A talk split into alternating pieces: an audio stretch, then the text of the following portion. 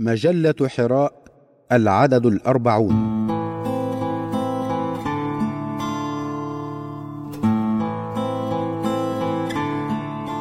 الآذان شبعا والعيون جوعا.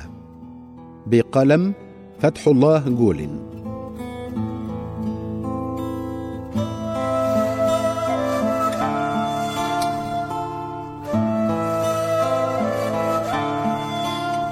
إذا وحد العبد بين القال والحال علت منزلته عند مولاه.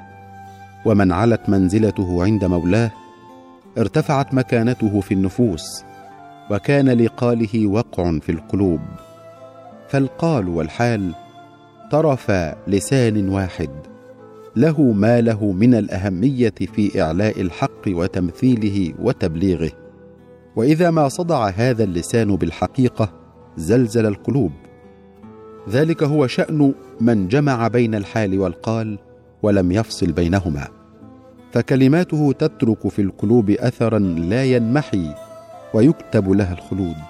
وفي الأثر أن الله أوحى إلى عيسى ابن مريم عظ نفسك بحكمتي فإن انتفعت فعظ الناس وإلا فاستحي مني. وفي هذا أبلغ البيان للسر الكامن وراء تصديق القول بالفعل.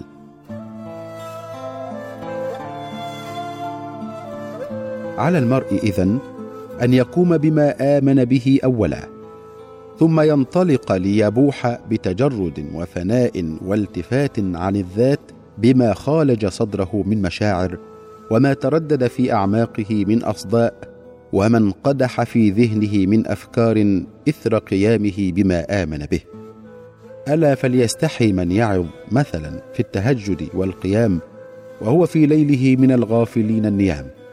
وكذا من يعظ في الخشوع والخضوع وهو في صلاته غافل لاه لم يلتزم بما يجب من الأدب والوقار بين يدي الله. ولا ينبسن ببنت شفة عن نذر العمر للآخرين من كان بلا قلب منذور للآخرين.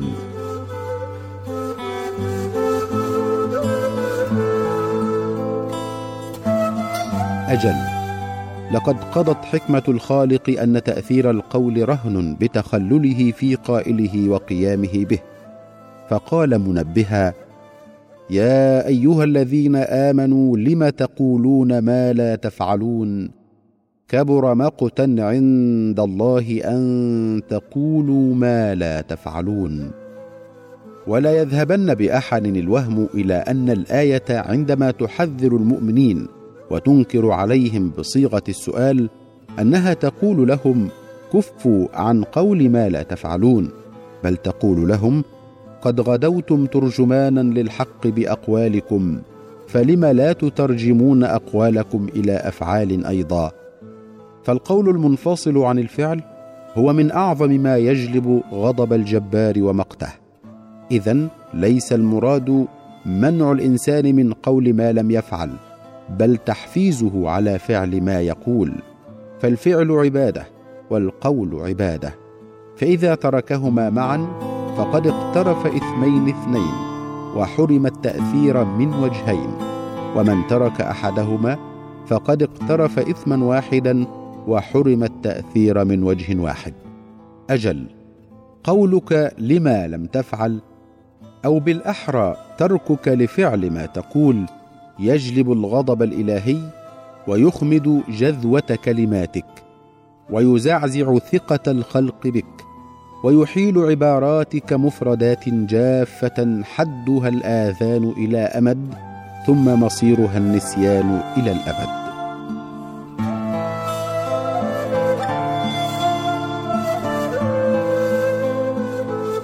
عرفت اناسا الصمت سمتهم. لا يتحدثون إلا لماما وعندما يقتضي الأمر فحديثهم غالبا إما شرح لمعان تجلت في سلوكهم الأصيل وإما تفصيل لمشاعر عميقة يعوزها البيان أو تيسير لحقائق أشكل فهمها على من عميت بصائرهم. وكم وقف الناس مشدوهين مبهورين وهم يصغون إلى خطبهم الصامتة أي خطب لسان الحال.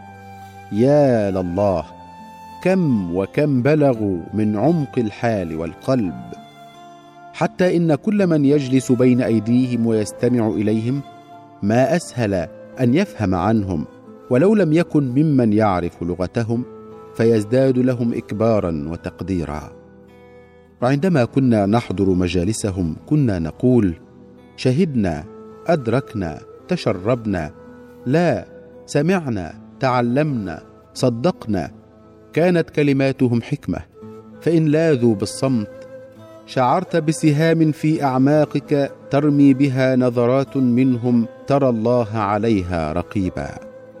أجل ما أكثرها من ينابيع وما أغزرها من عيون تلك التي مررت بها لكن وحسرتاه لم أستطع ملء دلوي. فكان العبث والتسكع حرفتي. أليس شعث حالي دليلا على تشردي وضياعي؟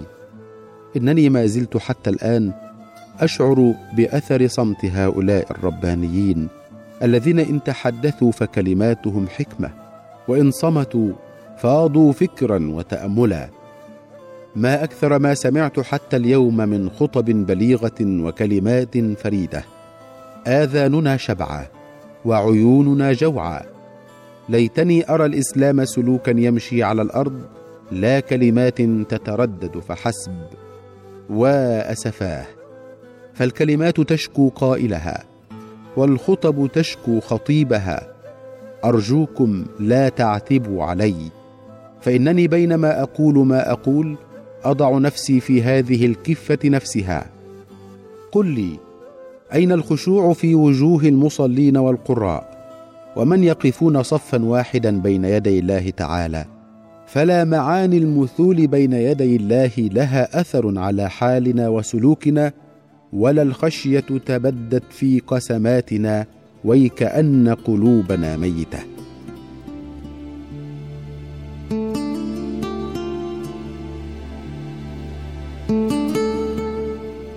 أجل. إن كنا نبتغي سبيلا للتأثير في النفوس فهو لسان الحال. أنسيتم أن أمة محمد صلى الله عليه وسلم ما انتكست إلا يوم أن اخطات طريق لسان الحال؟ ألا ما أقل رجال الحال اليوم؟ وإننا ما منينا بالهزيمة إلا بمحل حل بنا في رجال الحال. أكره أن أنفث باليأس في القلوب. وما أريد إلا التنويه بهذا الأصل العودة إلى الذات والتجدد والوعي الدائم. وإني لاحسب أن الموت خير من حياة الغافلين عن الجوهر والذات. ربنا امن علينا باليقظة والعودة إلى الذات وإلا فأكرمنا بلقائك.